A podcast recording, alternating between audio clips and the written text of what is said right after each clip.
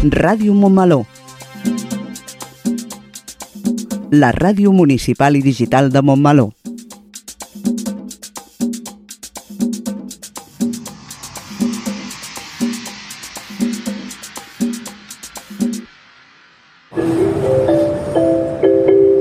Propera parada, Montmeló.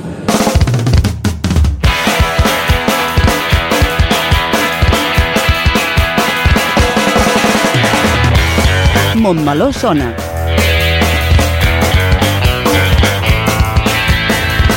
El magazín informatiu de Ràdio Montmeló.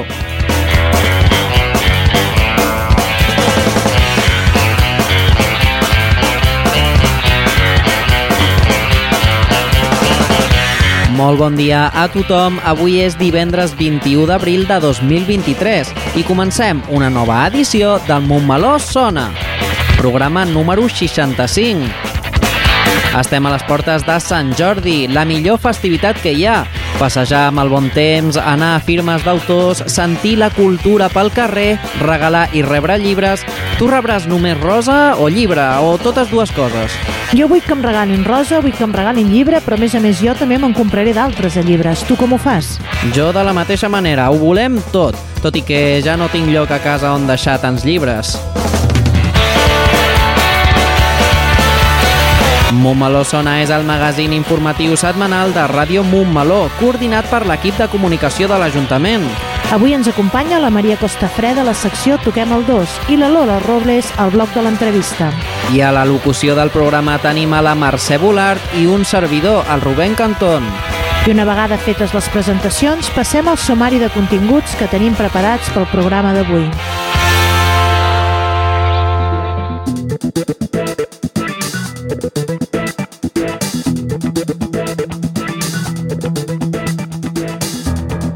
El Toquem el 2 obrirà el programa d'avui amb una col·laboració molt especial.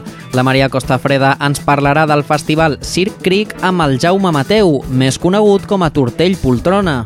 Seguirem amb el nostre espai informatiu Crònica de Montmeló, on farem un repàs de l'actualitat del nostre poble. Just després farem una ullada a l'agenda d'actes que podem trobar els propers dies a Montmeló. I acabarem amb la secció de l'entrevista on la Lola Robles parlarà amb l'autora local Judit Requena per parlar-nos de les seves novel·les Comercials de l'amor i Caçadora de cels, que formen part de la saga literària El Pols d'Ícar. Acabarem amb els alumnes de l'Escola Municipal de Música de Montmeló, que ens porten els hits de l'Escola de Música. Avui ens explicaran El gat del conte Pere i el llop, de Sergei Prokofiev. I com ja sabeu, tot això i alguna cosa més és el que trobarem al Montmeló Sona d'avui, 21 d'abril de 2023.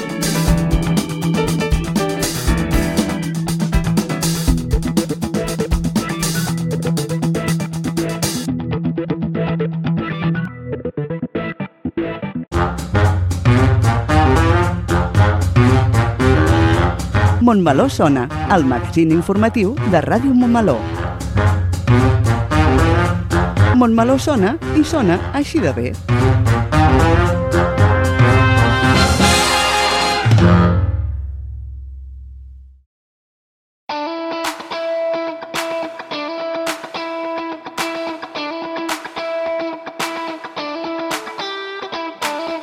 Iniciem el Toquem el 2 d'avui. Aquesta setmana marxarem a Sant Esteve de Palau Tordera, on l'espectacle de circ torna a aquesta localitat del Vallès Oriental del 14 d'abril al 10 de juny amb la tradicional edició del Festival Circ Cric, al voltant de la carpa instal·lada a la falda del Montseny.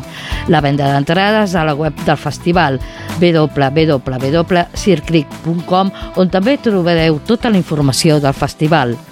Per saber més del Festival Circric, contem amb la presència d'en Jaume Mateu, més conegut com en Tortell Poltrona. Moltes gràcies, Jaume, per atendre la trucada de Ràdio Montmeló. Home, estic molt content de parlar amb Ràdio Montmeló. Mira que... I nosaltres de parlar amb tu. Molt bé, estem tots contents. doncs sí. I, i, i, I els que ens escolten, doncs que també es posin contents, perquè la vida, si no estàs content, no val, no val gaire fer tu. No, no, clar, a més ens, ens, ens devem a l'audiència, precisament.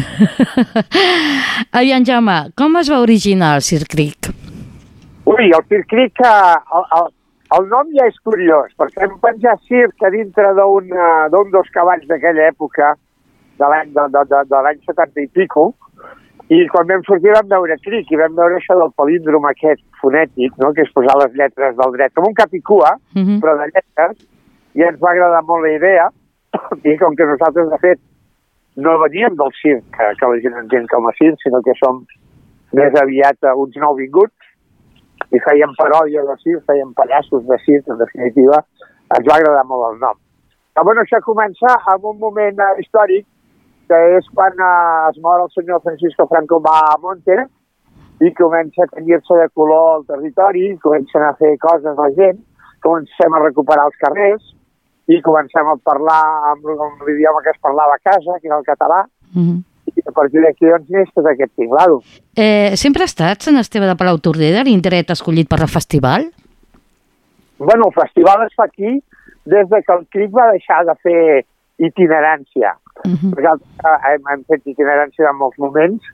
Som encara somiadors d'aquesta aquesta poesia del circ itinerant, que no descartem, pesar dels anys que tenim de, de, de tornar-ho a fer, però va arribar un moment que les dificultats, uh, uh, que et diria jo, per un costat uh, les dificultats que és una cosa que està, uh, no està regulada i que, a més a més, tal com funciona la societat, ara que ho vol tot quadrat, un circ rodó, és molt difícil que hi càpiga.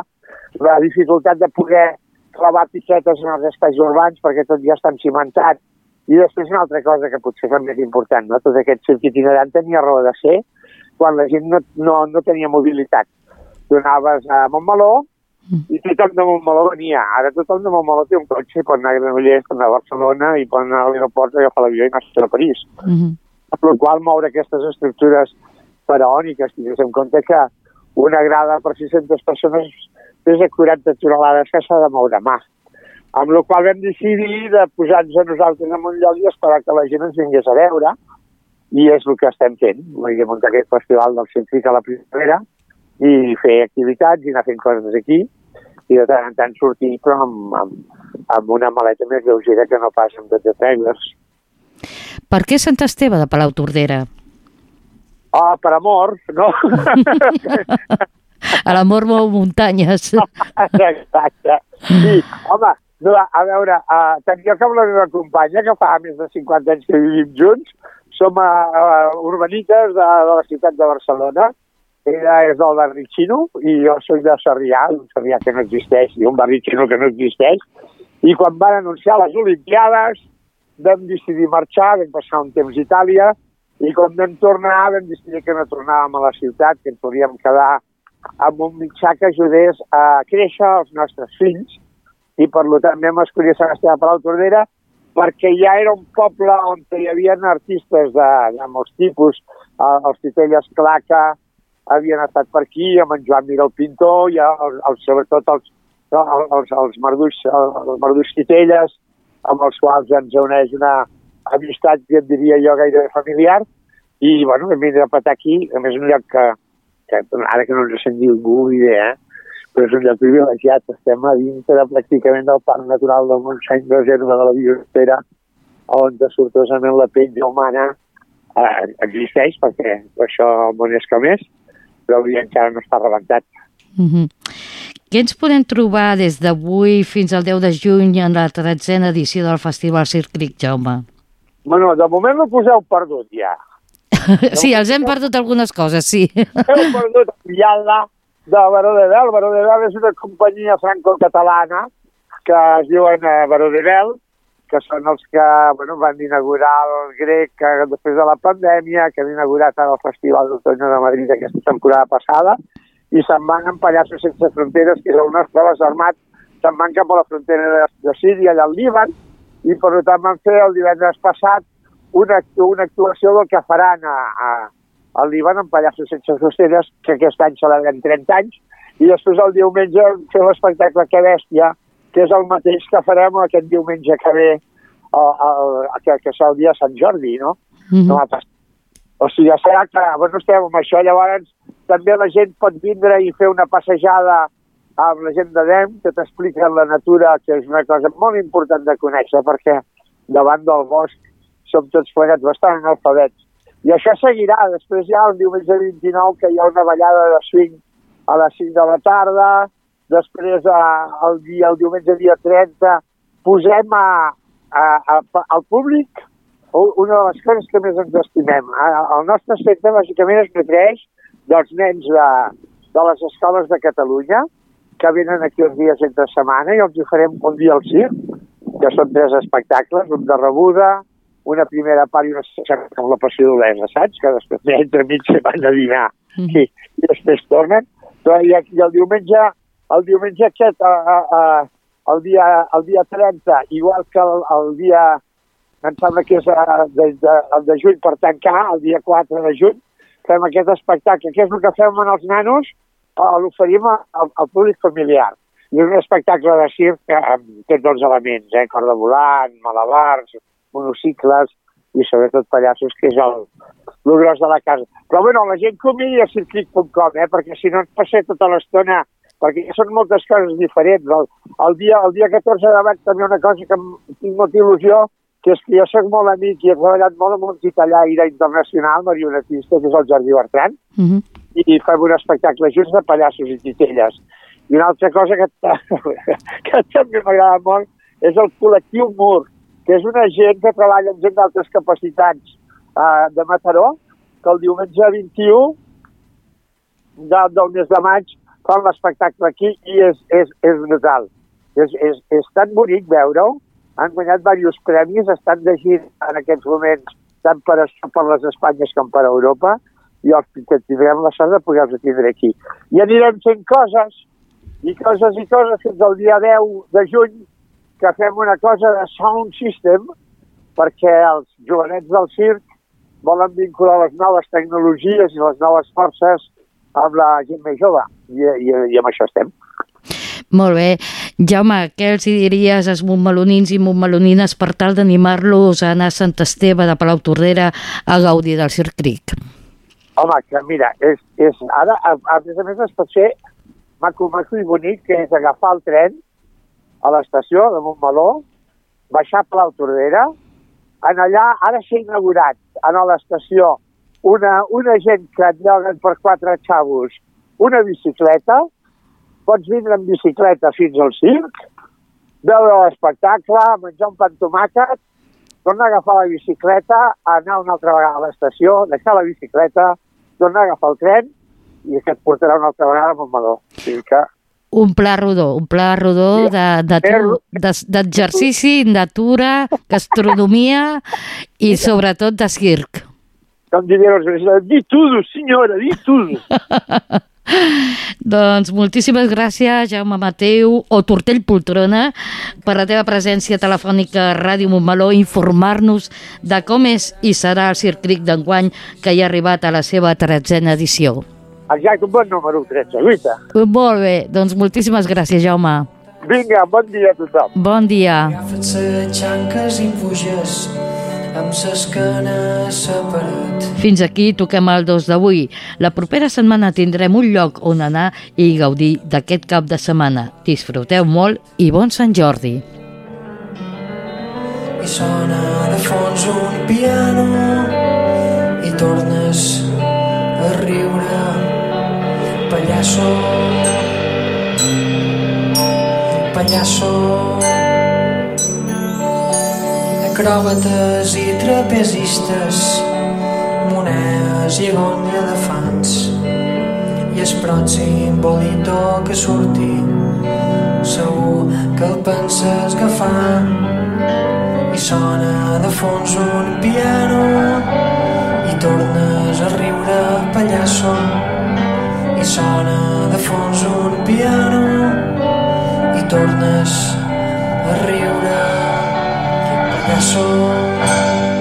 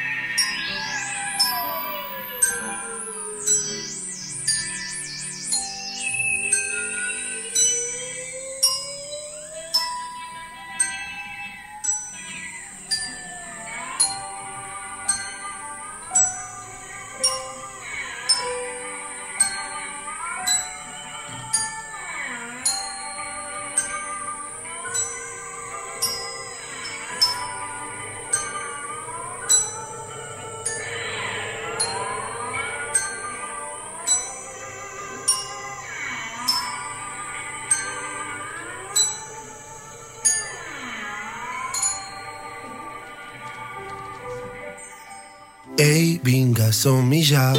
És el moment de fer el pas. A casa, a la feina i al carrer.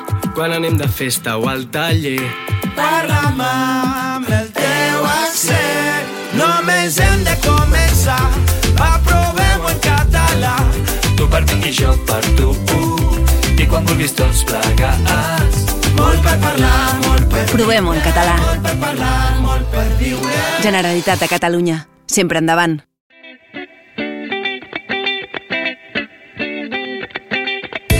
Ensenya'm la llengua. Un programa de l'oficina de català amb Susana Corxo. El tercer divendres de cada mes a les 5 de la tarda.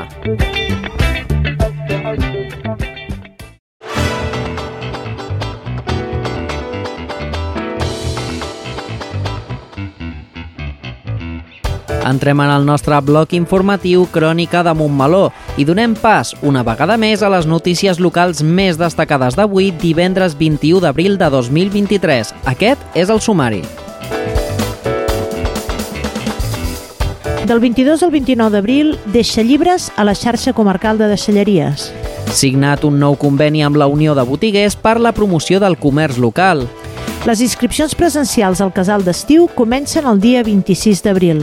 La Fundació Xarxa i l'Ajuntament de Montmeló reediten el conveni per promoure l'assistència dels programadors de xarxa al FitCamp. Si el dia 28 de maig, dia de les eleccions municipals, no pots anar a votar, pots demanar el vot per correu fins al dia 18 de maig. T'expliquem com fer-ho.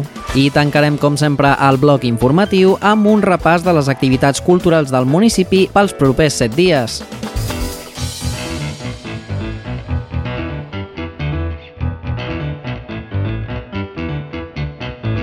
Vine a la deixalleria, remena, tria i emporta't el llibre que més t'agradi. La campanya Deixa llibres, iniciativa per afavorir la reutilització de llibres usats i allargar-ne la seva vida, s'instal·la un any més i coincidint amb la Diada de Sant Jordi a les 25 deixalleries fixes més la mòbil de la xarxa comarcal de deixalleries. L'activitat, que permetrà a les persones que del 22 al 29 d'abril facin ús de les deixalleries endur-se llibres de segona mà i també portar-n'hi, té com a objectiu principal conscienciar la ciutadania sobre la importància de generar menys residus.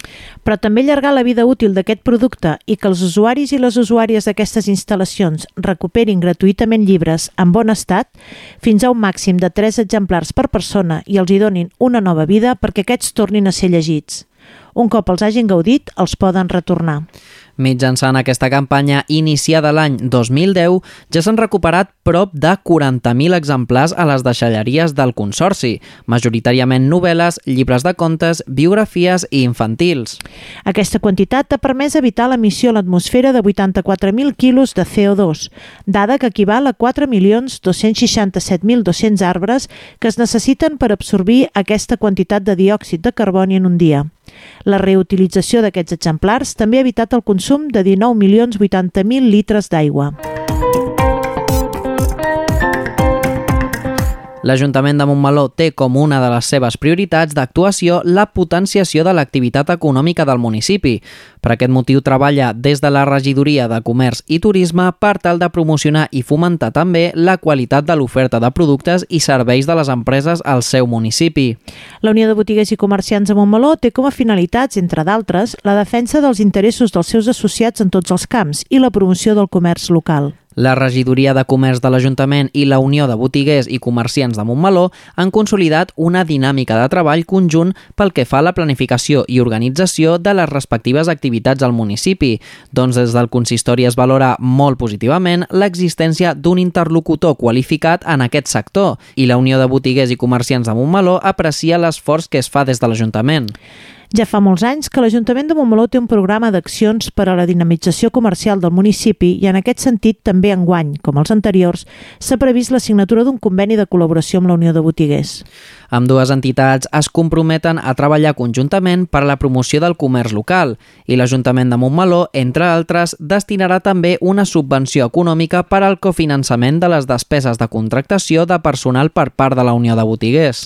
El conveni signat estableix com a eixos d'actuació la promoció de l'activitat econòmica al municipi, que inclou també la comercial, el foment del consum endogen, la potenciació d'una oferta de productes i serveis de qualitat i el foment dels mecanismes de treball en xarxa, ja sigui entre les diverses àrees de l'Ajuntament com d'aquestes amb la Unió de Botigues i Comerciants de Montmeló i altres entitats. El conveni ha estat signat per l'alcalde, el regidor de Comerç i la nova presidenta de l'associació, la Judit, de la llibreria L'Aglà. Cop finalitzat el termini d'inscripcions telemàtiques que gaudien d'un descompte del 5% en el preu, s'inicia el període d'inscripcions presencials. Del 26 d'abril al 3 de maig, exceptuant el cap de setmana, sobre el període d'inscripció presencial. L'horari d'atenció serà de 5 de la tarda a dos quarts de 9 del vespre, al Centre Cultural La Torreta i caldrà portar una foto de carnet de l'infant, la fotocòpia del carnet de vacunació de l'infant i la fotocòpia de la targeta sanitària de l'infant. La fitxa d'inscripció es podrà complimentar al mateix moment i el pagament s'haurà de fer efectiu mitjançant targeta bancària. La convocatòria per demanar bonificacions romandrà oberta al llarg del període d'inscripcions i únicament es podrà sol·licitar presencialment a l'Oficina d'Atenció a la Ciutadania. Recordeu que les places al casal d'estiu 2023 són limitades. La Fundació Xarxa d'Espectacle Infantil i Juvenil de Catalunya i l'Ajuntament de Montmeló han reeditat la signatura d'un conveni de col·laboració per a l'impuls del FITCAM, el Festival d'Arts Escèniques que anualment se celebra al municipi i que els dies 28 i 29 d'abril durà a terme la seva desena edició. A través d'aquest acord de col·laboració per impulsar les arts escèniques, amb dues entitats es comprometen a generar sinergies i cooperar en la difusió del Festival d'Arts Escèniques per acostar-lo al públic d'arreu de Catalunya. Així mateix, l'acord també contempla avantatges per a les més de 300 persones voluntàries que actualment conformen la Fundació Xarxa i que treballen per programar arts escèniques en una cinquantena de municipis catalans. Amb aquests beneficis, es pretén incentivar l'accés dels programadors al FitCamp per tal que puguin conèixer de primera mà els espectacles i companyies que actuen i ofereixen les seves mostres al festival. Lluís Areu, president de la Fundació Xarxa, s'ha mostrat molt satisfet amb aquest acord que ens dona l'oportunitat d'acostar programadors i espectacles, facilitant que aquestes propostes puguin arribar a tots els escenaris del país i mantinguin viva la roda de la cultura. L'Ajuntament de Montmeló, per la seva part, creu que el vincle de la Fundació Xarxa amb el FitCamp de Montmeló també es reforçarà amb un espai de trobada específic dins el festival perquè els membres de la xarxa puguin posar en comú les inquietuds, necessitats i reptes del sector de les arts escèniques, proposant estratègies conjuntes i sumant esforços per dinamitzar aquest àmbit. La Fundació Xarxa va ser fundada l'any 1995 i és una entitat que promou la llengua i la cultura catalanes a través de les arts escèniques amb l'objectiu d'acostar el món del teatre a un públic infantil, juvenil i familiar ampli. La xarxa impulsa l'accés a la cultura com a eina de pensament crític i empoderament ciutadà. Per poder demanar el vot per correu cal complir els mateixos requisits que calen per exercir el vot presencial, és a dir, ser major d'edat el dia de les eleccions i residir a la ciutat estar empadronat en la qual es vol votar. Per votar per correspondència cal anar presencialment a una oficina de correus, acreditar la identitat i omplir un imprès amb el qual es demana la documentació necessària per votar. Un cop validada aquesta sol·licitud, ja no es podrà votar presencialment. També es pot fer aquest tràmit per internet amb el certificat del DNI electrònic a través de la pàgina web de correus. La documentació que inclou una papereta de cada candidatura es rebrà després d'uns dies a l'adreça postal indicada en la sol·licitud. Pot ser el domicili o un lloc de treball, però en qualsevol cas aquesta comunicació s'ha de rebre personalment. El sobre s'ha de retornar degudament emplenat a una oficina de correus i enviar-lo per correu certificat al col·legi electoral que pertoca. Aquest enviament no necessita segell. Es pot fer la sol·licitud per votar per correu des del mateix moment que es convoquen les eleccions municipals. El 4 d'abril, el govern espanyol ha publicat al BOE el decret de convocatòria signat el dia anterior. Des d'aleshores i fins al 18 de maig es podrà fer el tràmit. L'oficina del cens electoral enviarà el sobre amb la butlleta fins al dia 21 de maig. La data límit per portar la documentació amb el vot a correus serà el 24 de maig, quatre dies abans de les eleccions. La petició per votar per correu no eximeix en cap cas del sorteig per formar part d'una mesa electoral.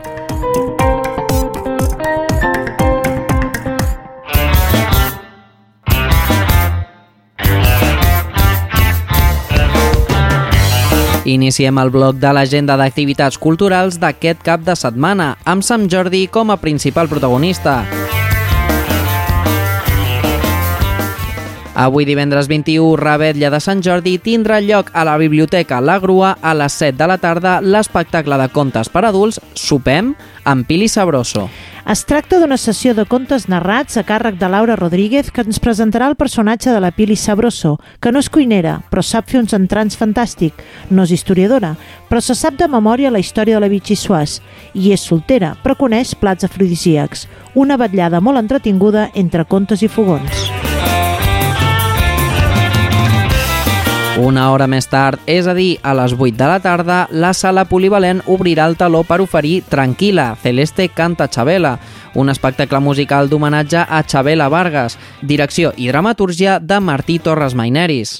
Tranquil és un cant de llibertat, d'amor i de vida, una festa pels difunts, una celebració de la vida i de la mort, d'una figura capdalt dins el món de la música popular, la cèlebre cantant mexicana Chabela Vargas, de la qual l'any 2022 es va celebrar el desè aniversari de la seva mort. I per aquest motiu tenim amb nosaltres avui al Montmeló Sona el Martí Torres Maineris, director i dramaturg de l'espectacle. Bon dia. Bon dia. Explica'ns una mica què és el que ens trobarem en aquest espectacle. Tranquil·la és un concert teatralitzat a partir de les cançons que van fer cèlebre, cèlebre a, la, a, la, a la Xabela Vargas i hi ha una cantant que es diu Celeste Elias, una, una gran cantant que tenim aquí a Catalunya, que amb dos músics excepcionals com són el Santi Gareta i l'Oriol Roca, que ja havien fet fa uns anys un espectacle, un concert també, homenatge a Antonio Machín, doncs van reunir-se una altra vegada i van decidir doncs, fer-ho ara amb Xabela Vargas, no?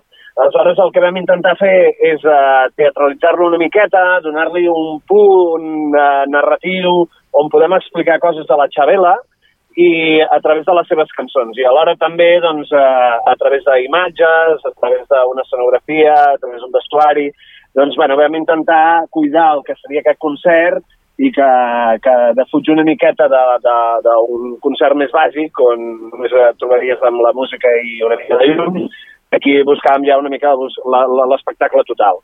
I això és uh, Tranquil·la Celeste Canta Xabela, és, és aquest homenatge uh, cap a aquesta gran donessa que va ser Xabela Vargas. I, Martí, per què dedicar-li un espectacle a la Xabela Vargas?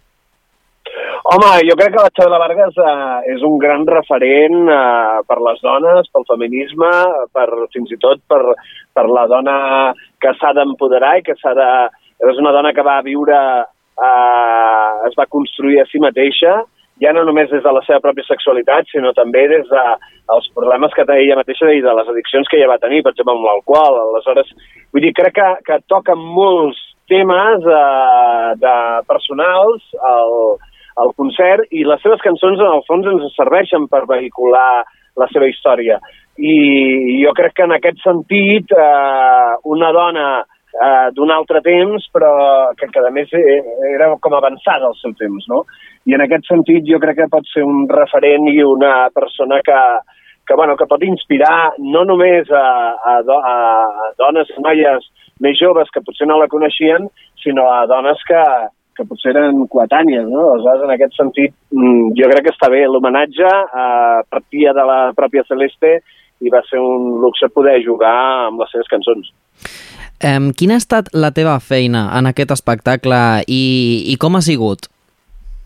Bàsicament va ser escriure una miqueta el fil narratiu que, que explica la història de Isabela i per altra banda doncs, la direcció escènica que contempla doncs, una mica eh, què fem en cada cançó, com il·lustrem aquestes cançons amb la llum, amb les imatges, amb, amb tot plegat, no? Vull dir que és aquest acompanyament artístic als, als músics, que és una cosa que faig sovint i que, en certa manera, hi he trobat com una altra, una, una altra funció paral·lela a la meva feina, no? Mm. I ficar-me dintre el món de la música i ajudar els músics a, a, a, a visualitzar el seu espectacle, ja que ara els músics ja no viuen de, de, de, de fer discos, sinó que viuen dels seus directes. I si no tens un bon directe, no tens un bon espectacle, doncs és molt difícil també per la gran competència que hi ha poder tenir feina. Aleshores, eh, la meva feina es basa en això i, i des d'aquí, doncs, clar, puc treballar amb músics molt diferents i de gèneres molt diferents. Em, hi ha alguna col·laboració de gent de municipi en l'espectacle? Ens la pots explicar o és una sorpresa? Jo crec que és una sorpresa, però Vale. vale. igualment la, la Celeste eh, el que fa normalment, jo ara ho explico així, després ja si, si vols anunciar qui participa o no, la Celeste el que fa és, eh, amb tots eh, els pobles on va, Mm. eh, la música parla si hi ha un cor, si hi ha, si hi ha músics del, de la, del poble o ciutat on anem, i eh, treballa un parell de cançons eh, amb, amb la gent de- d'allà, no? Aleshores, això fa que aquest espectacle també sigui un punt interactiu i el fet de que participi gent del poble encara ho fa més, més potent, perquè en el fons fa molta il·lusió veure i escoltar a, a, a, a, dalt de l'escenari hi ha gent del poble. També és molt bonic veure que de cop i volta aquesta gent doncs, interpreta un repertori que probablement potser no l'haguessin fet mai, no? I, per tant, és com una, és com una col·laboració mútua en aquest sentit, no? Sí, I que sí. en el fons donar-li molt valor a la feina que fan entitats, cors, etc de, de la, del nostre poble i alhora també donar-los aquest protagonisme a través d'un espectacle professional. Doncs ens quedem amb aquesta informació. Eh, I per últim, què és el que representa per a tu que els teus espectacles es programin a la sala polivalent de Montmeló? Home, a mi em fa molta il·lusió, partint de la base de que eh, estic tot l'any fora treballant amb una companyia o amb un grup, o amb una banda o, o amb un espectacle concret i quan n'hi ha algun que, que pot venir amb un meló doncs em fa molta il·lusió perquè si la gent del poble pot veure. Hi ha tota una sèrie de gent que els estic molt agraït que sé que van a veure-ho, eh, sigui on es faci, ja sigui Granollers, ja sigui Barcelona, o fins i tot a vegades m'he trobat amb gent que, que ha vingut a veure espectacles nous a Manresa, o, o, o més lluny encara, no? o a Figueres, però, però sí que mm, crec que és xulo que, que la gent pugui accedir una mica a la feina que fem doncs no tan sols jo, sinó que hi ha molts artistes de, de Montmeló treballant eh, en l'àmbit de la cultura i al final el que és important és que la gent de Montmeló també accedeixi a aquesta cultura i a aquesta, a aquests concerts, a aquestes obres de teatre, tot això és molt important. Doncs moltes gràcies, Martí Torres, i animem a la gent de Montmeló a que vagi a veure l'espectacle Tranquila Celeste Canta Chabela. Moltes gràcies per explicar-nos en què consisteix aquest espectacle aquí a la ràdio. Gràcies per ser d'altaveu. Moltes gràcies.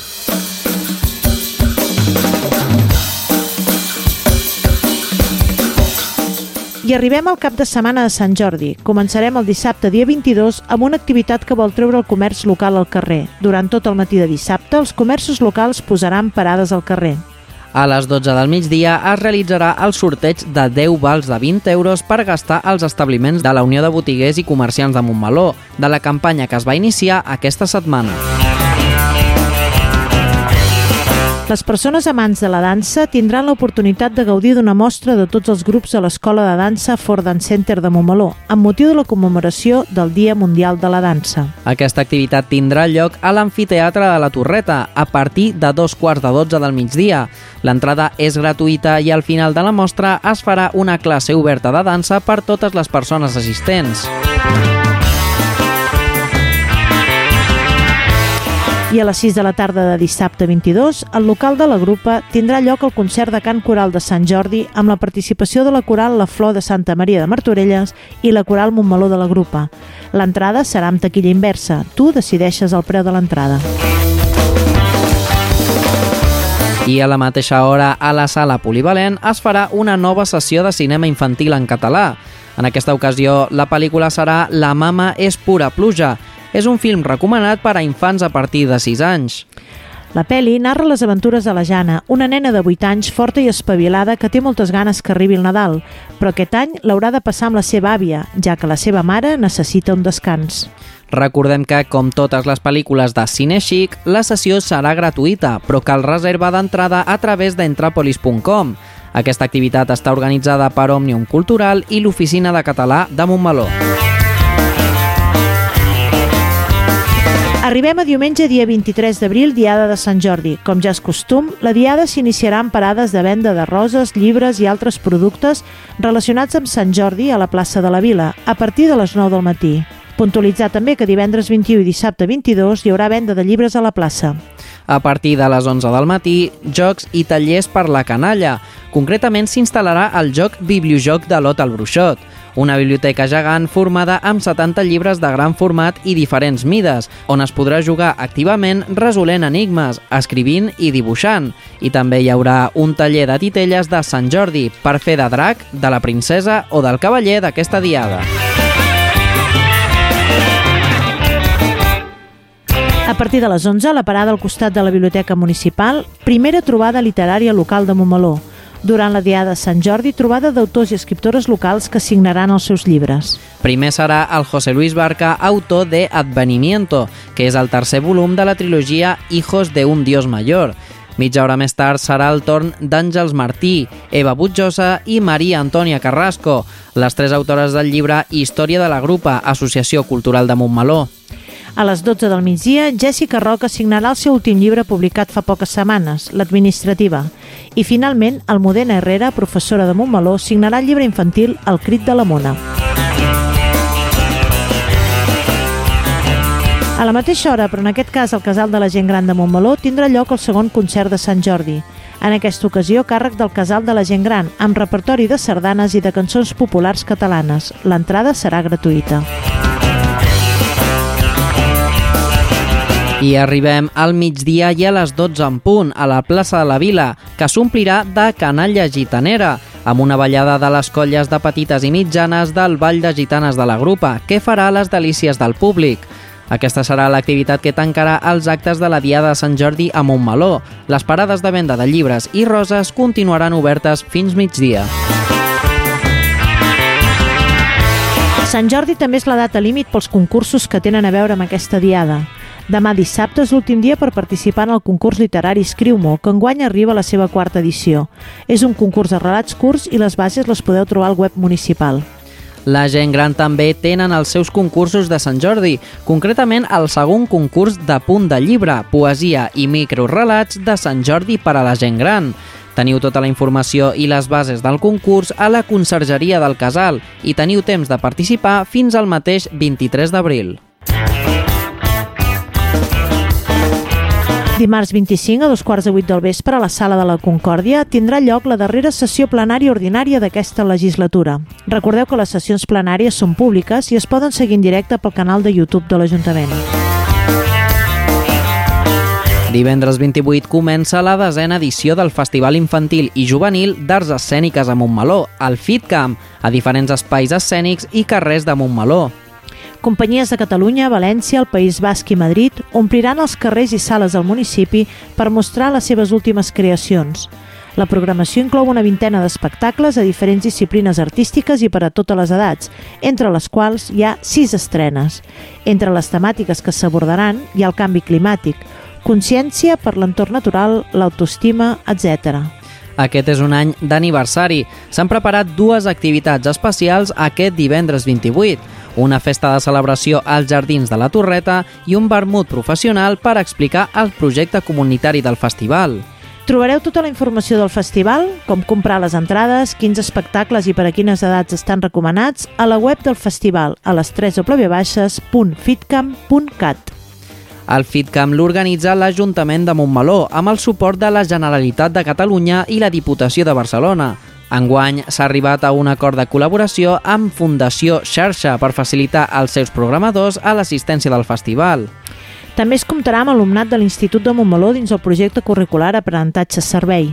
Un cop més, FitCamp comptarà amb alumnes en formació per fer de regidors i regidores dels espectacles gràcies a l'acord amb l'Escola Tècnica ITES. I el mateix divendres, dia 28, a dos quarts de sis de la tarda, es farà el lliurament de premis del 21è concurs de punt de llibre a la Biblioteca La Grua. I ara sí, ha arribat el moment de dir allò de tot això i algunes coses més, les podeu trobar al web montmeló.cat i a les xarxes socials de l'Ajuntament.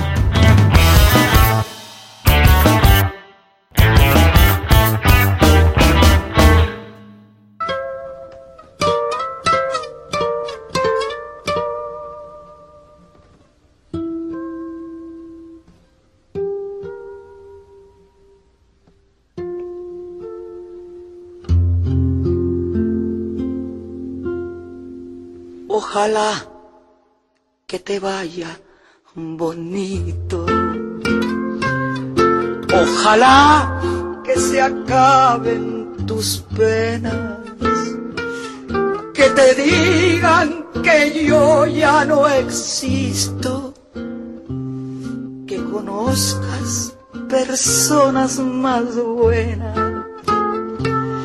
que te dé lo que no pude darte,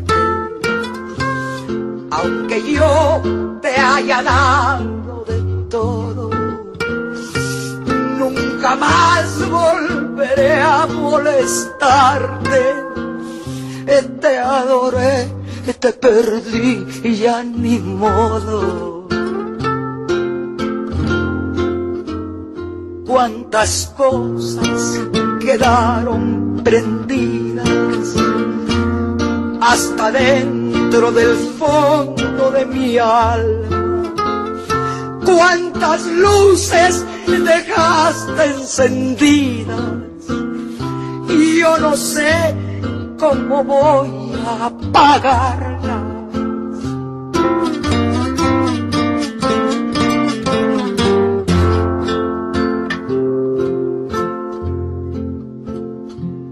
Ojalá que mi amor no te duela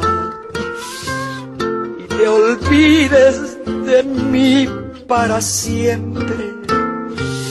Que se llenen de sangre tus venas y que la vida te vista de suerte.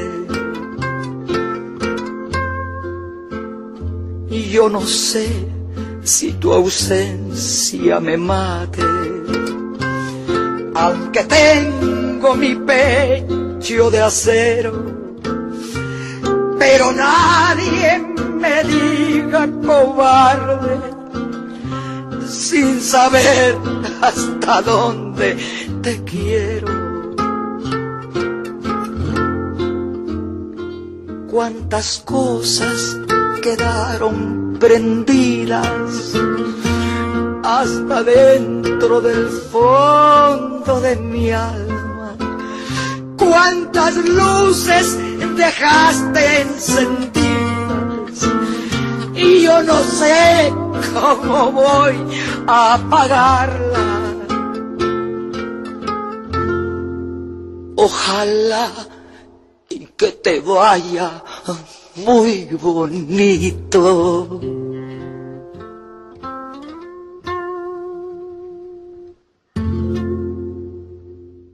Atenció, famílies. Veniu a gaudir del millor teatre, circ, titelles, clown, màgia amb la canalla. El FitCamp, Festival Infantil i Juvenil d'Arts Escèniques, fa 10 anys ho celebrem amb una gran festa. Divendres 28 i dissabte 29 d'abril a Montmeló. Podreu triar entre una trentena de funcions. Consulteu tota la programació i la venda d'entrades a www.fitcamp.cat amb K. A Ràdio Montmeló tens una entrada per Micro i Acció, el podcast de cinema conduït per Aitor Guerra. Micro i Acció, cada dimecres a les 12 del migdia.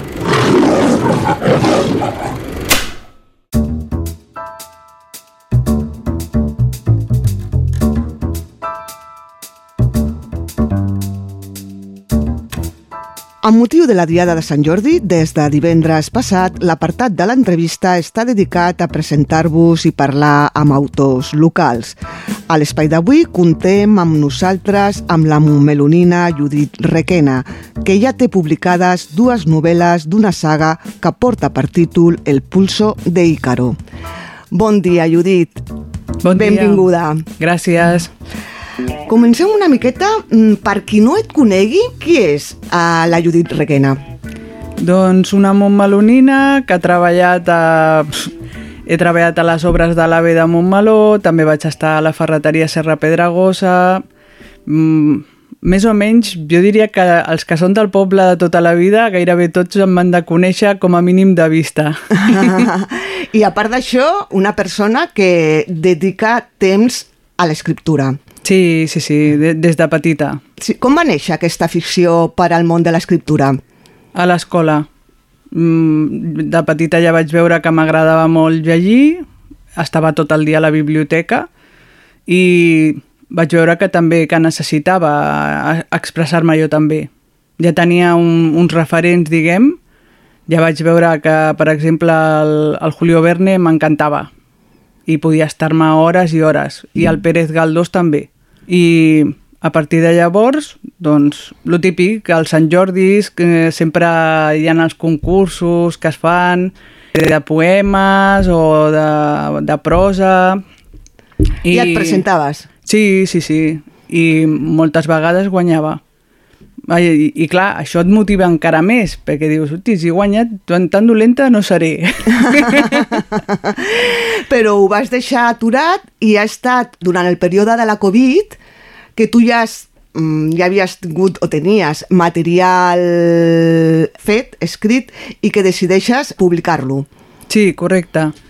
Sí, perquè clar, jo fins als 20 anys sí que m'anava presentant als certàmens literaris i anava fent, però no havia pensat en, en treure un llibre en si. Anava traient coses petites. Però mm, durant el confinament eh, vaig estar endreçant tot el que tenia al meu portàtil. Mm, clar, hi havia... Pff, vaig treure més de 40 gigas de notícies que havia anat enviant-me a mi mateixa a través del correu electrònic. I endreçant tot i a més tenia escrits i tenia diverses coses començades. També havia presentat un escrit al, al premi del Círculo de Lectores. I ho tenia tot com molt aparcat. I va ser quan vaig fer neteja i aquest escrit que havia presentat en aquell premi, dic, hosti, és que no, no m'acaba de convèncer com el vaig deixar.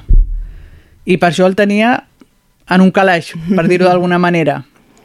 Doncs vaig aprofitar per donar-li la volta. Vaig canviar la protagonista, vaig canviar el que era el final, alguns personatges, estructura i va sortir comercials de l'amor. Perquè tu en què t'inspires a l'hora d'escriure?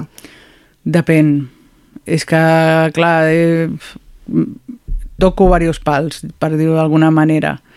Ara, per exemple, aquest comercials de l'amor, el que em vaig fixar, la temàtica, no? De, que de vegades amb les amigues comentàvem com ha canviat el món amb internet i sobretot les relacions personals que era com com que ja les relacions, si abans, per exemple, començaven en una festa o perquè uns amics et presentaven algú, doncs ara va tot per internet. Ara, si no estàs a internet, és com que ho tens molt fotut. eh, el que he llegit quan preparava l'entrevista és que tens al cap fer una saga que, que ja tens encaminada i que porta per títol, sí. que ja ho deia al principi, el pulso de Ícaro, de la qual ja has publicat dos llibres, no? Un és aquest, el de Comerciales del Amor, i Cazadora de Cielos. Explica'ns una mica com va sorgir la idea d'aquesta saga, que com a protagonista la Laia i en quina fase es troba aquest projecte. Doncs mira, la saga ocuparà un total de set llibres, ja els tinc ideats, tinc tot el material endreçat en carpetes, sé el que sortirà a cada llibre, tinc les portades, tinc la sinopsis, ho tinc tot ja. L'únic que falta és seure'm i escriure-ho tot. eh, el més fàcil, eh? Seure i escriure-ho tot, eh? I, I després editar-ho, corregir-ho, publicar-ho, que també, res, en 5 minuts. no, jo calculo que trigaré uns 10 anys en total. I de moment sí, de moment porto dos, Comercials de l'Amor i Caçadora de Cels. La saga El Pols d'Ícar eh, estarà en, en castellà i en català i ja us dic, haureu de tenir una mica de paciència.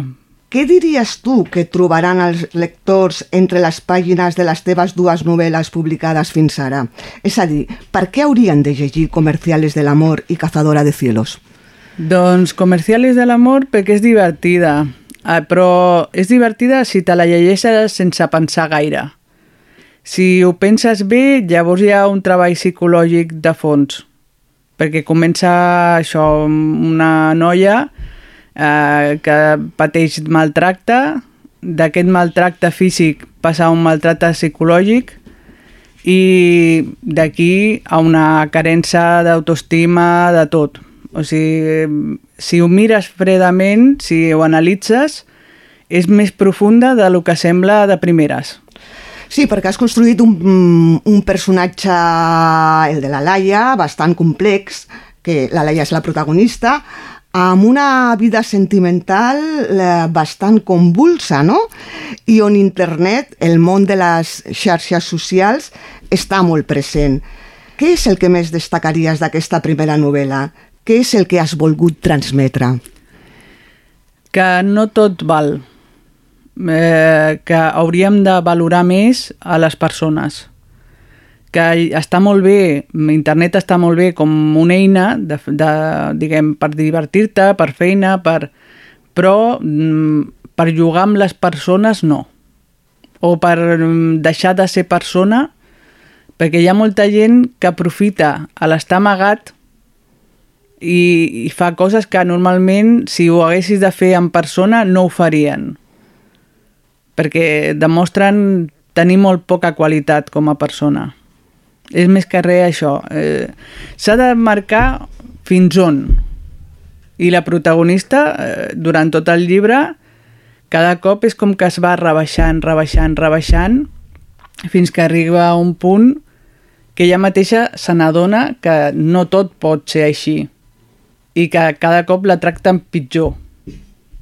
Però li costa, eh, arribar a aquest punt? Sí, no, li costa i tant que li costa, perquè a més és que internet encara tots som com nous a internet. Llavors no hi han encara marcats uns límits i també és com que tot... Hi ha situacions que mai te les imaginaries. Per exemple, la Laia es troba amb, amb gent que està casada o que tenen parella, que tenen fills, que tenen i porten vides secretes. Ella com pot saber-ho? Si, li, si li diuen que són solters... Bueno, però potser és una miqueta innocent, no? També? O això també ho has volgut reflectir en sí. el... Ella comença sent això, molt innocent. És un personatge que és com si fos de fang. A mida que, que va evolucionant la saga, cada cop va prenent més forma i així com a comercials de l'amor o comercials de l'amor, com vulguem dir-li, eh, encara està molt verda, a Caçadora de Cels ja no estarà tant pels homes, ni per sortir, ni per... perquè... Aquí es veu una transformació, un sí. avanç de la personalitat de la, de la protagonista? Sí, canvia totalment. bueno, no, del, no de la nit al dia, perquè si no seria molt avorrit, però sí que ja no té aquestes cites ni està tant per internet. Està més ocupada en ha descobert que potser ha com una amenaça mundial i, i que aquesta amenaça mm, va directa a canviar el cel. I de, de sobte descobreix que, a més a més, també eh, volen cobrar per, per poder tenir sol, per exemple a mida que va avançant la saga, el que ella... De... Clar, ella va passejant per Montmeló i diu, hosti, el, el cel, què li passa al cel, no? D'aquesta tonteria, això es va fent cada cop una bola més gran, més gran, més gran durant tota la saga. O sigui, ella només ha vist re, un, un trosset de l'iceberg. I la tercera entrega per quan? doncs estic escrivint-la i tothom em pregunta, i és divertit, perquè clar, com hi ha lectors que són també del poble, em veuen pel carrer, que potser vaig a llançar les escombraries i tu què? El libro pa cuándo? No trobes eh, moment per, per posar-te... No, ara ho tinc millor. Ara la veritat que ho, ho tinc millor pels horaris i estic podent escriure. Sí, ja he escrit força. El treball de documentació eh, és bastant important no? en la creació literària. De quines fonts veus tu en aquest sentit? Com et documentes? Jo, sobretot, quan tinc un tema, ho cerco, però ho cerco, per exemple, a través de buscadors, perquè jo cada cop som, soc més digital i ho contrasto, diferents fonts perquè ara mateix és que hi ha tan, tantes mentides, tan, està tot com molt comprat. vale? Llavors, mm, sempre ho miro en diferents fonts eh, i ara te, us explicaré una cosa que direus aquesta, aquesta no, no està bé del cap. Eh, el que faig també, imprimeixo eh, els documents que m'interessen, els imprimeixo en PDF i me'ls guardo. Tinc un arxiu de totes les notícies que jo considero que em poden interessar per la meva saga. Bueno, tens sí, sí. una metodologia de feina, sí, no? Sí, sí. És arxiu total. I hi ha un amic meu que va, ho va veure a casa meva diu, què? Diu, tu lo, lo de técnico en prevención lo llevas al extremo, no? Clar, perquè faig l'arxiu el tinc igual, tot en carpetes, tot ben... i tot per dates, o sigui, no es pot escapar res. Amb la saga igual, eh, haig d'anar en compte perquè mm, jo no he volgut fer una saga simplona que tingui només una trama. Són trames que tenen subtrames. I llavors qualsevol detallet que a mi se m'escapi, pum, tota la feina d'anys a prendre pel sac haig d'anar molt, amb molt de compte amb això i sóc conscient, vale? però és com que ho gaudeixo més. I tu creus que a la, a l'hora d'escriure hi ha una certa connexió entre el que has viscut i sobre el que escrius i la manera de fer-ho? Vull dir, hi ha treball com a autobiogràfic? No, no gaire, eh? Eh, va ser divertit, clar, quan vaig treure comercials de l'amor sí que pot haver-hi alguna història que m'hagi passat a mi o algun amic o ja ho vaig dir en el seu dia, però eh, també ho vaig haver de dir-ho, no sóc la Laia, perquè estava tothom, hosti, i jo notava que alguna em mirava com dient, joder, amb la requena, eh? Mira, com, com les mata callant. no, no, no sóc la Laia, ja us ho dic. I, i tampoc vaig veient, clar, perquè lo de la Laia arriba a un punt que és molt de conspiració, de... No sóc conspiranoica tampoc, eh? Ets molt autocrítica amb tu mateixa?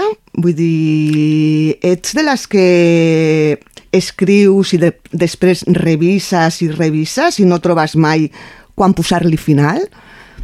Mm, abans era així. Per això hi va haver un moment que vaig deixar d'escriure. Perquè, clar, eh, si tu mateixa et vas donant canya i més canya i més canya, arriba un punt que t'avorreixes de tu mateixa i dius, fins aquí. I amb el temps em vaig adonar que, que sortia perdent jo, perquè igualment jo necessito treure'm tot això del cap. Uh Mhm. -huh. I vaig arribar com una mena de pacte a més, que vaig llegir no sé on, que deien, tothom té el, el seu públic, no?, per dir-ho d'alguna manera. Eh, que no has de ser lo màxim. Eh... Perquè tu eh, escrius per a un públic determinat o...? No, tinc públic de totes les edats. Això sí, jo ja aviso, els meus llibres no són per nens ni per jovent de 18 cap amunt, vale, però no vull que els nens llegeixin depèn de quines coses, mm -hmm. han de conservar la seva innocència. Mm -hmm. I quins diries que són els, els principals obstacles als quals s'enfronta un escriptor a l'hora d'intentar escriure la, se la seva primera novel·la? Bueno, sempre és la inseguretat. Jo crec que sempre...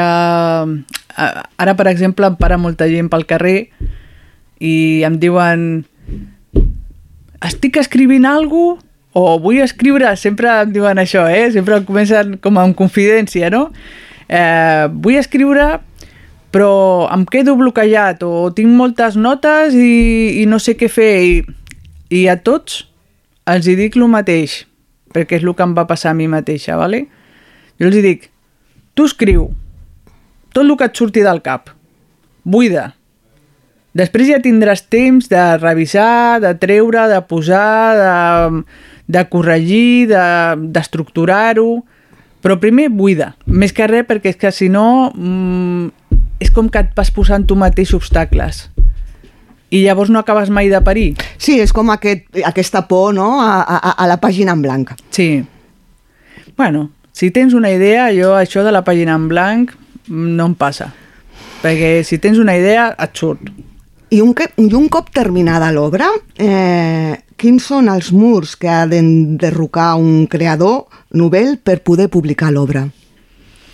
Home, jo, clar, mmm, abans anava tot, o a les pel·lícules sempre ens, ens han ensenyat que un escriptor et ve de sobte una editorial i et, i et proposen publicar.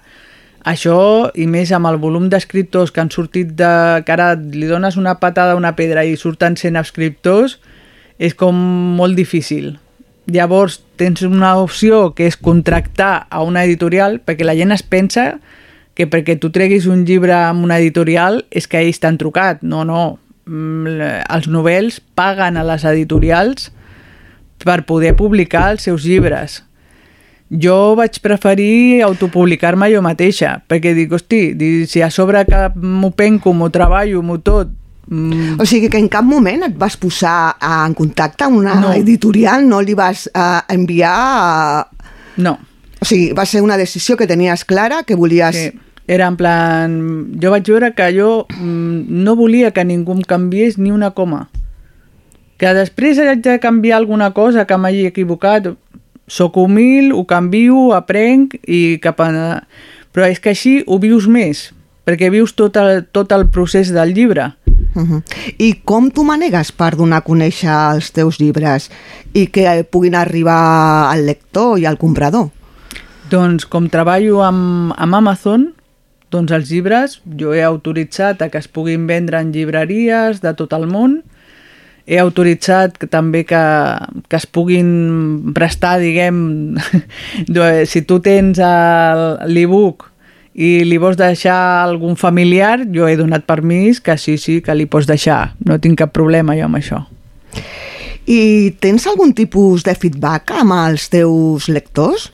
Sí, constant, perquè els tinc gairebé tots a l'Instagram i la veritat que ens ho passem bé. T'animen a continuar escrivint? Sí, no, i sempre... Estan pendents de la tercera entrega? Sí, ja porten mesos. I clar, és que jo ho volia treure l'any passat, però vaig anar molt atabalada de feina i no vaig poder, i clar... Però bueno, són pacients, eh? Tampoc... Em pregunten, jo vaig informant de tant en tant, eh, que ja vaig per la meitat. Uh, actualment estàs immersa en un projecte anomenat Autopublicar-te. En què consisteix? Sí, autopublicar-te és precisament per aquesta gent que vol començar a escriure però que estan bloquejats. Llavors, o, o que, per exemple, ja tenen una idea o inclús ja han escrit el llibre, però diu, hosti, no m'atreveixo a corregir-m'ho jo, no m'atreveixo a les xarxes socials no sé com van... Tot el que són eines que puguin necessitar o necessito que algú m'ho llegeixi o que em digui si està ben formulades les frases o la gramàtica o... Eh, tot el que puguin necessitar, nosaltres ho posem a disposició. I està clar que no cobrem 3.000 euros com alguns... O sigui que entre tots us ajudeu. Algun... Sí. Sí, és un treball més d'això, és, és de- d'ajudar-nos, de, de col·laborar. I on no arribem, el meu soci i jo, que el meu soci és Roberto, que està a València. Roberto, te mando un saludo des d'aquí. Fins i tot allò de dir he acabat l'obra, eh, vull que algun company me la miri des de la distància i em pugui donar una crítica. Sí, correcte. Tot el que necessiti. I el que no arribem, diguem, al Roberto, que és un altre escriptor, i jo, nosaltres ja tenim també una sèrie de, de professionals. Per exemple, si em dius, ah, necessito una portada pel meu llibre, jo no te la faré. Però jo tinc, per exemple, el Diego Carasso, que, que sí que ell pot fer-te-la. O necessito una pàgina web. Doncs si és algo senzill, a lo millor el Roberto et pot ajudar o si vols algo més currat, més professional, doncs tens a Roy Agència Creativa, per exemple. I t'atreveries finalment a donar un consell o un suggeriment a qui es disposi a escriure la seva primera novel·la? Sí, i tant. Eh, us dic mm, algo molt, molt bàsic, però que al final és el que funciona. Endavant. És que no perdeu res. no heu de mirar ningú. L'únic que heu de mirar que voleu treure això del vostre cap. Ja està. No necessiteu cap excusa, ni el permís de ningú, ni... No, ho traieu i ja està. I si us quedeu bloquejats un temps per lo que sigui, ho torneu a reprendre. Això no, eh, no és problema. Teniu tot el temps, però jo de vosaltres, si ho podeu treure i després ja parar-vos a mirar-ho i, i tampoc sigueu molt durs, vale? perquè ningú neix ensenyat. Jo mateixa, jo, vale, jo escric, però a lo millor m'ho torno a llegir i dic, hosti, aquí falta una coma. Bueno, però puc tornar a editar. Fico la coma, es torna a editar i ja està.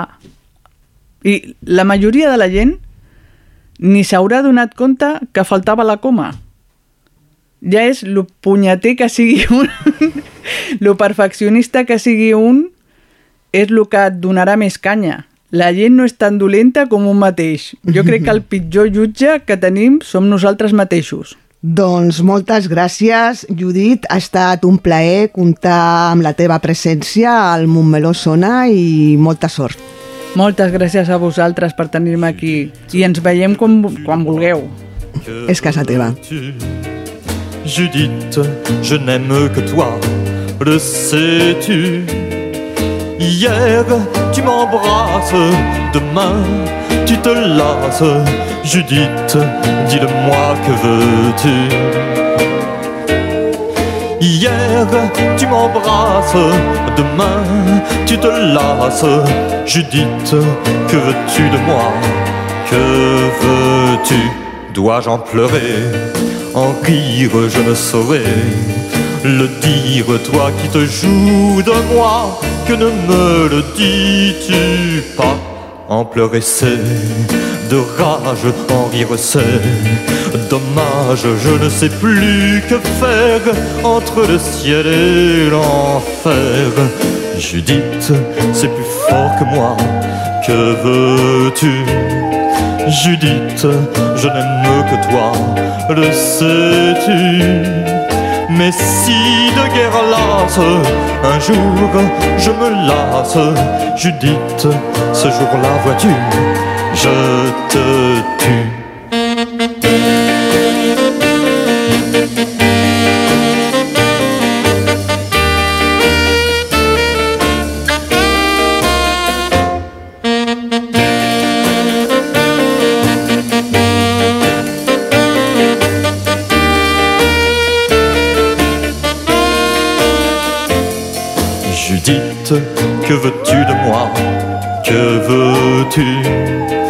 Judith, je n'aime que toi, le sais-tu? Hier, tu m'embrasses, demain, tu te lasses.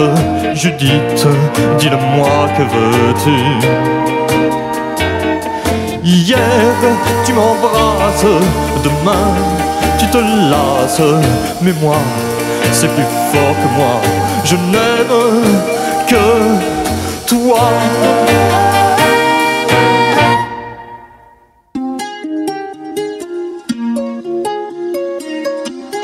Actualment, ara les dones poden fer el mateix que els homes i hem, ens hem tingut que guanyar per fer això. Els homes i les dones són persones i som iguals. Però, com que la nostra societat sempre ha sigut masclista, doncs encara hi ha mm, més homes que dones en, en el poder o en, en les empreses també manen més els homes que les dones, fins i tot hi ha dones i homes que fan la mateixa feina que l'home cobra més que la dona. El otro día tenía yo una maleta, o sea, recién llegaba de viaje. Y entonces un hombre se me ofreció a cogerme el, la maleta porque se ve que yo no podía, con mi maleta. Y eso me molesta un montón. O sea, yo pienso que, ¿por qué si soy mujer no puedo coger peso? O sea, no entiendo. Vanessa, ¿crees que Montmeló es un pueblo feminista? Dudo un poco, porque se necesita que, que se vuelque más en las asociaciones de las mujeres para luchar por la, por la igualdad y que tanto hombres como mujeres nos apoyemos. para luchar por, por ese derecho. Tampoc facilita recursos a associacions com a AMMI, una associació de dones de Montmeló per la igualtat. Es podria fer a nivell de regidoria d'igualtat. És l'única manera de juntes poder aconseguir aquesta igualtat real.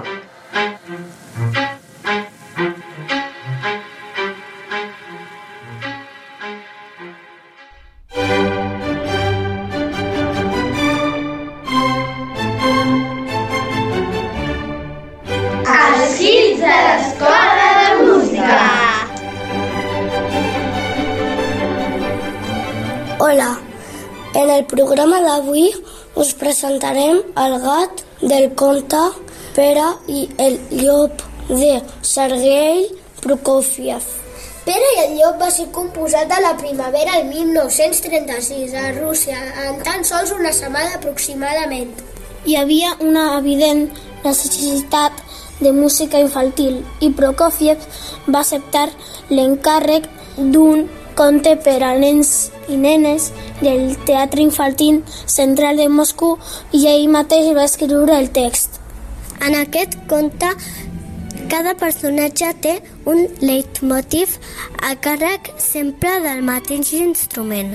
L'ànec és interpretat per l'oboè, l'avi pel fagot, l'ocell per la flauta, el gat pel clarinet, el llop per les tres trompes, en Pere per les cordes i els caçadors per les timbales i el bombo. Abans de començar es presenten els instruments i es toquen els temes. Al llarg de l'obra es tornen a escoltar, de manera que s'aprèn a diferenciar el timbre dels instruments. Pere i el llop va arribar al mateix temps a les programacions de les sales de concerts i als estudis de cinema. De l'obra assolí un èxit singular al juliol d'aquell any en el Festival de la Seu Central dels Pioners. Anem, doncs, a escoltar El gat de Pere i el llop de Sergei Prokofiev.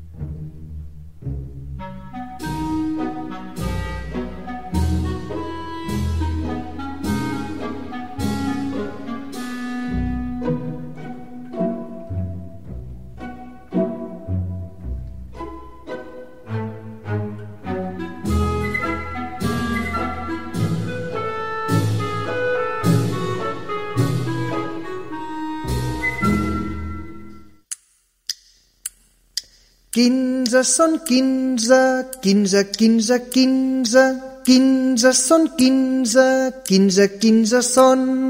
15 són 15, el programa de la Biblioteca Municipal La Grua. El dia 15 de cada mes a Ràdio Montmeló. T'imagines un lloc on descobrir, on explorar? Un lloc on llegir, aprendre i compartir? Tot això i molt més a la teva biblioteca. La Diputació de Barcelona i els ajuntaments posem al teu servei 228 biblioteques i 10 bibliobusos per apropar-te a la cultura i el coneixement.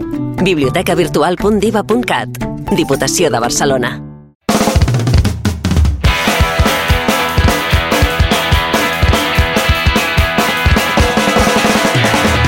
I ja arribem al final del programa, però abans repassem tots els programes que podeu sentir a la nostra emissora durant la setmana. Aquesta mateixa tarda, a les 5, la Susana Corxo ens porta un nou podcast d'Ensenya'm la llengua, un programa de l'Oficina de Català que ens parla del nostre idioma i ens anima a aprendre més de la riquesa del nostre vocabulari.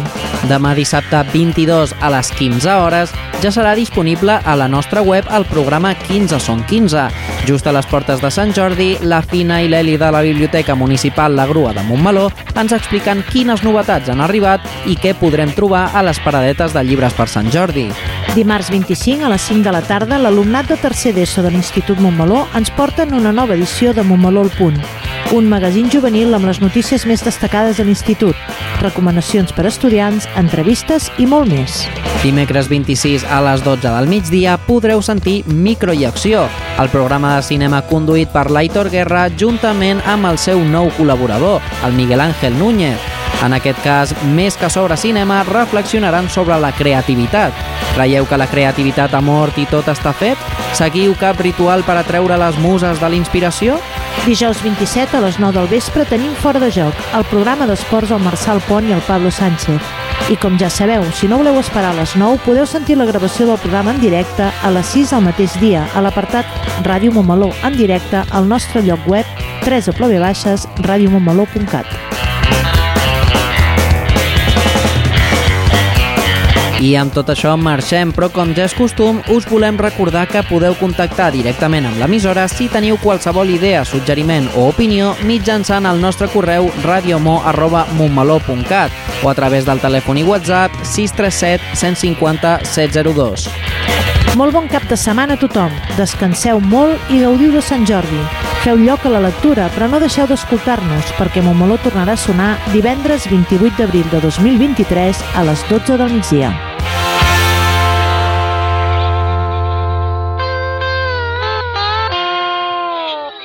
Bona gent de la comarca, apropeu-vos a escoltar i pareu la vostra orella, que el que avui us vinc a explicar no és la història de Sant Jordi, sinó la història del drac. Oh yes. Incompresa criatura, utilitzada per un tirà. en un regne de llegenda, però també prou real. Passaven gana i penúries, camperols i artesans, els pocs diners que teníem, el rei havia de pagar. I ell a canvi els protegia, deia, de les urpes i el foc del drac. Cada dia afirmava un pilota que l'entregà perquè els rèptils al cruspís i deixés de molestar. Això en termes demogràfics és una barbaritat.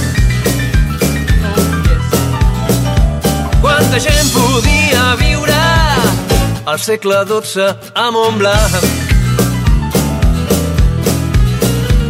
El que el poble no sabia és que era un drac vegetarià que cultivava roses i els camperols tenia amagats. Però ai las que el monstre un dia ens va sortir republicà. I va exigir la princesa com un àpat especial. Hey!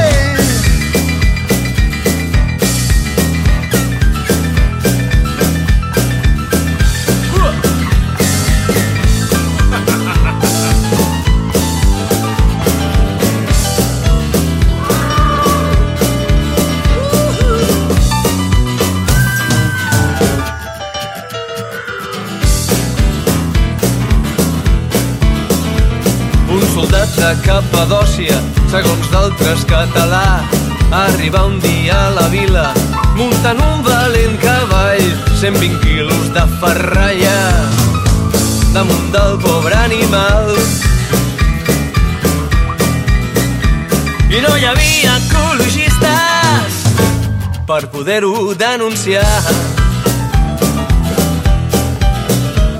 Sant Jordi promet al rei que liquidarà el drac però primer negocia que amb la princesa es vol casar i vol un munt de calarons i de terres per poder continuar.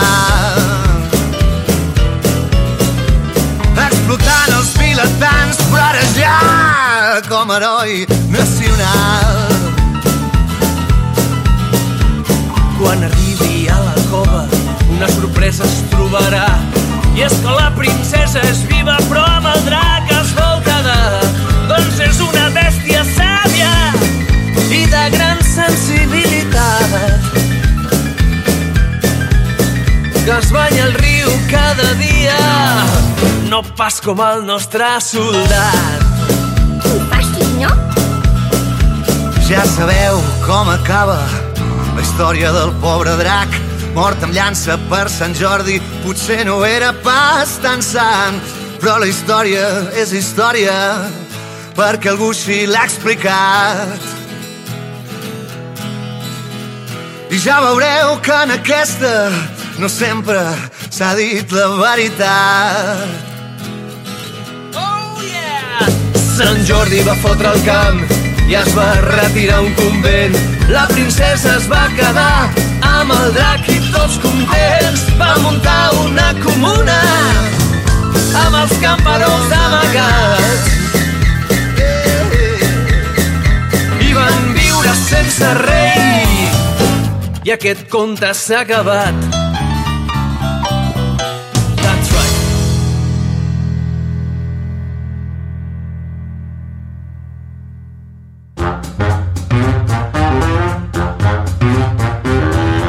Montmeló sona, el magazín informatiu de Ràdio Montmeló. Montmeló sona i sona així de bé.